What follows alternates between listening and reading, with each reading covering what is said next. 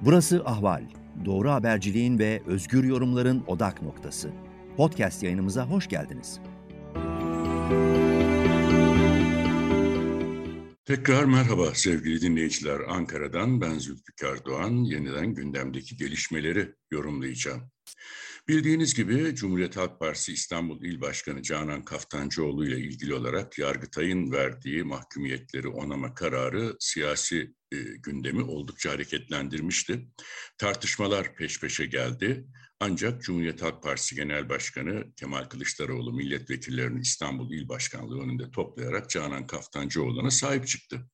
Fakat bu kararın sadece muhalefet cephesinde değil, iktidar cephesinde de yansımaları oldu. Öyle ki AKP kulislerinden yansıyan bilgilere baktığımızda deniliyor ki AKP içinde e, bu karar e, neden verildi? Acaba e, Canan Kaftancıoğlu dört yıldan fazla hapis cezası aldı ancak hapis yatmayacak siyasi yasaklı ancak CHP İstanbul İl Başkanlığı görevini sürdürecek. Dolayısıyla o zaman Yargıtay böyle bir kararı onaylarken e, hangi dayanaklara e, dayandı, hangi unsurları dikkate aldı? Diğer taraftan da bir başka yorum, bu karar CHP'yi ve e, CHP İstanbul İl Başkanı'nı hedef almaktan ziyade AKP'yi hedef alıyor e, yorumları yapılıyor. Gerekçesi de işte az önce söylediğim gibi sonuçta Canan Kaftancıoğlu siyasi yasaklı hale geldi ama herhangi bir hapis e, yatması e, ya da görevini bırakması söz konusu değil. Zaten CHP yönetimi de il başkanlığı görevini sürdüreceğini açıkladı. Şimdi e, AKP içerisinde neredeyse CHP'den daha fazla tartışma yarattı bu karar.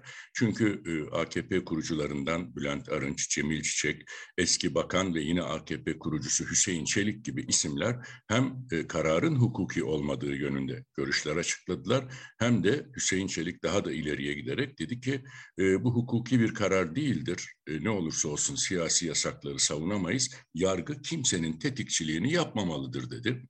Bülent Arınç ise e, Yargıtay'ın bu kararı ile Canan Kaftancıoğlu'nun e, siyasi pozisyonunun ve kariyerinin beş misli daha da artacağını, bu tür kararların e, geçmişteki örneklerde dikkate alındığında ki burada isim vermeden Cumhurbaşkanı Erdoğan'ı ifade ettiğini söylemek mümkün. Çünkü Erdoğan da benzer bir süreçte Yargıtay'ın e, kararı onaylamasıyla okuduğu bir şiirden ötürü cezaevinde yatmış ve siyasi yasaklı hale gelmişti. Ancak daha sonra bu yasak kaldırıldı ve Erdoğan şu anda Türkiye Cumhuriyeti Cumhurbaşkanı.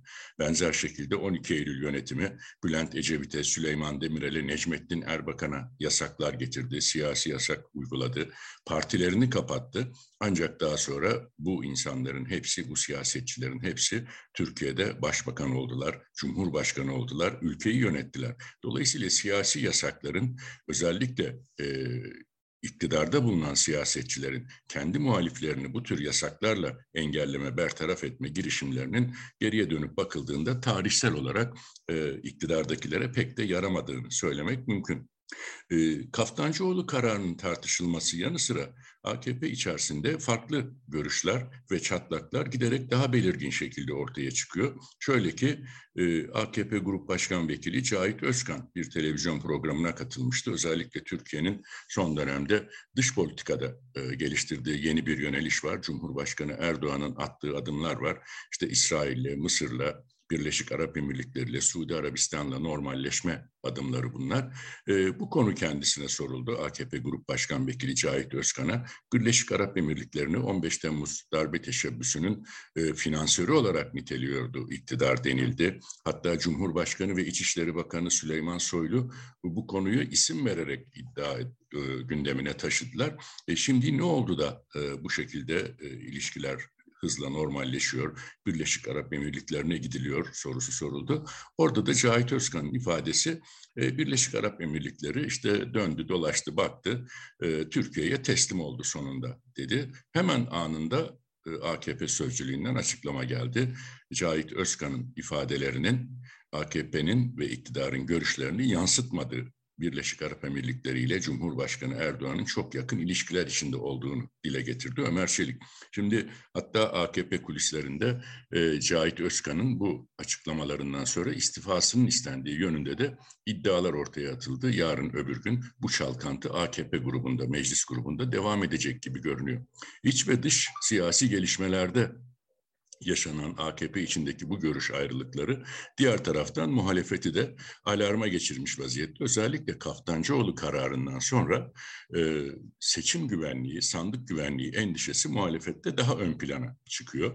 Bu konuda e, bir yükseliş gözleniyor. Çünkü pazartesi günü Cumhuriyet Halk Partisi Parti Meclisi olağanüstü toplanacak. Gündemde yer alan en önemli madde e, iktidarın son dönemdeki hukuk dışı adımları, e, baskıları artırma yönündeki girişimleri nedeniyle örgüt ve e, teşkilat düzeyinde, genel merkez düzeyinde seçim ve sandık güvenliğinin e, sağlanması yönünde hazırlıklar. Parti meclisi bunu tartışacak. Bu konuda neler yapılabileceğini tartışacak. Tabii daha önce seçim yasası değişiklikleri meclisten geçirildikten sonra altı partinin yer aldığı masada liderler bu konuyu hemen gündemlerine almışlardı ve ortak çalışma yürütülmesini kararlaştırmışlardı. Çünkü seçim yasası değişiklikleri özellikle sandık kurullarının, sandık müşahitlerinin görevlerini yapmaları konusunda bazı yeni kriterler getiriyor. Bu da muhalefetin e, işini biraz zorlaştıracak. Çünkü küçük partiler sandıklara e, temsilci bildiremedikleri takdirde eski düzenlemede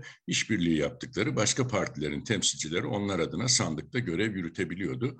E, şimdi çıkartılan değişiklikle şayet bir başka parti adına gözlemci yer alacaksa görevli olarak sandık başında bunun için e, o partinin imzalı, ıslak imzalı onayı gerekiyor. Bu tabii Türkiye'deki binlerce sandık için bu tür ıslak imzalı onaylar çıkartılması bir anlamda e, engelleme amaçlı. Fakat asıl e, il ve ilçe seçim kurulları ile ilgili düzenleme en baştan itibaren tepki çekmişti.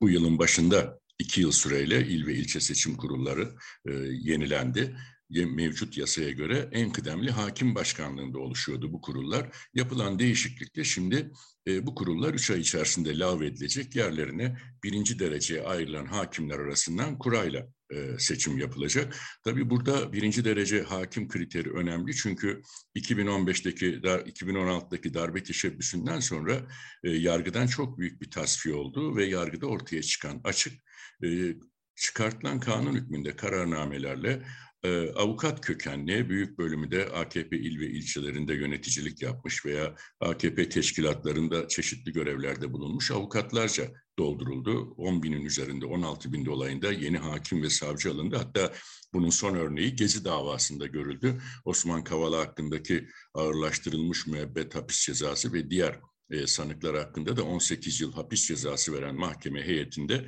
bir üye bu karara şerh koymuştu.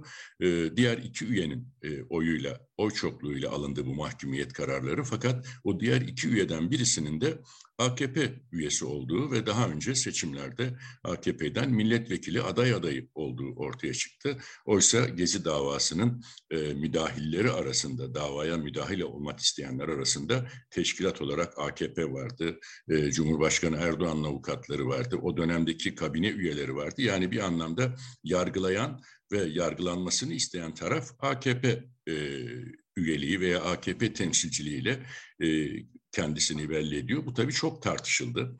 E, hakimin davada taraf olduğu yönünde hukukçular görüş dile getirdiler. Ancak bunların hiçbirisi dikkate alınmadı ve mahkumiyet kararı verildi. Şimdi e, bu karara imza atan hakim İstanbul'da ağır ceza hakimi. Bunun gibi daha pek çok örnek muhtemelen mevcut. Şimdi seçimlerde muhtemelen bu hakim aynı zamanda İstanbul'da ya il seçim kurulunda veya kuradan çıkarsa herhangi bir ilçe seçim kurulunda da e, üye olarak veya başkan olarak görev yapacak. İşte muhalefet e, bu endişeyi öne çıkartmaya başladı son dönemde. Hatta CHP Genel Başkanı kimseye haber vermeden bütün milletvekillerini toplayarak sürpriz bir ziyaret yaptı İstanbul'da. O da e, savunma danışmanlığı şirketi, Cumhurbaşkanı Erdoğan'ın da danışmanlığını yapan Sadat e, şirketinin genel merkeziydi. Kemal Kılıçdaroğlu orada kapı önünde bir açıklama yaptı ve dedi ki işte bu kuruluş e, paramiliter e, militanlar yetiştiriyor, silahlı elemanlar yetiştiriyor. Şayet Türkiye'de seçim güvenliği ile ilgili bir sorun ortaya çıkarsa sorumlusu Sadat'tır dedi. Yani bugünden e, bu endişe de aslında toplumun gündemine taşınmış oldu ve seçim güvenliğinin, sandık güvenliğinin nasıl sağlanacağı e, bir şekilde sıcak gündem maddesi haline geldi. Az önce iktidar partisinin kendi içindeki farklılıkları ve çelişkileri, e, birbirini yalanlayan yöneticilerin ifadelerini gündeme getirmiştim. Aynı şeyi dış politikada da az önce Birleşik Arap Emirlikleri olayındaki gibi görmek mümkün. Bunun yanı sıra NATO ile ilgili ilişkilerde görmek mümkün. Son dönemde İsveç ve Finlandiya'nın NATO üyeliğiyle ilgili olarak Cumhurbaşkanı Erdoğan'dan ve Cumhurbaşkanlığı Sözcülüğü'nden farklı açıklamalar geldi. E, bu da tabii iktidar içerisinde e, görüş ayrılıkların, çatışmaların belki seçim süreci hızlandıkça çıkar çatışmalarının da ön plana çıkacağını gösteriyor. Diğer taraftan muhalefet açısından da ön plana çıkan hatta ilk sıraya yükselen konu seçim güvenliği olacak gibi görünüyor önümüzdeki günlerde. Bunlarla ilgili atılacak adımları göreceğiz. Muhtemelen e, CHP Parti Meclisi toplantısından da bu konuda e, bir bildiri, belki bir deklarasyon yayınlanacak. Yayınlandığında onun içeriğinde de e, hangi adımların atılacağının ipuçlarını görmek mümkün olacak. Ben Zülfikar Doğan, sizlerle Ankara'dan paylaşacaklarım şimdilik bunlar. Yeni bir yayında tekrar görüşmek dileğiyle hepinize hoşçakalın diyorum. Ahval podcastlerini tüm mobil telefonlarda Spotify, SoundCloud ve Spreaker üzerinden dinleyebilirsiniz. Apple iPhone kullanıcıları bize iTunes üzerinden de ulaşabilir. Türkiye'nin ve hayatın cıvıl cıvıl sesleri Ahval Podcast dizisinde. Kulağınız bizde olsun.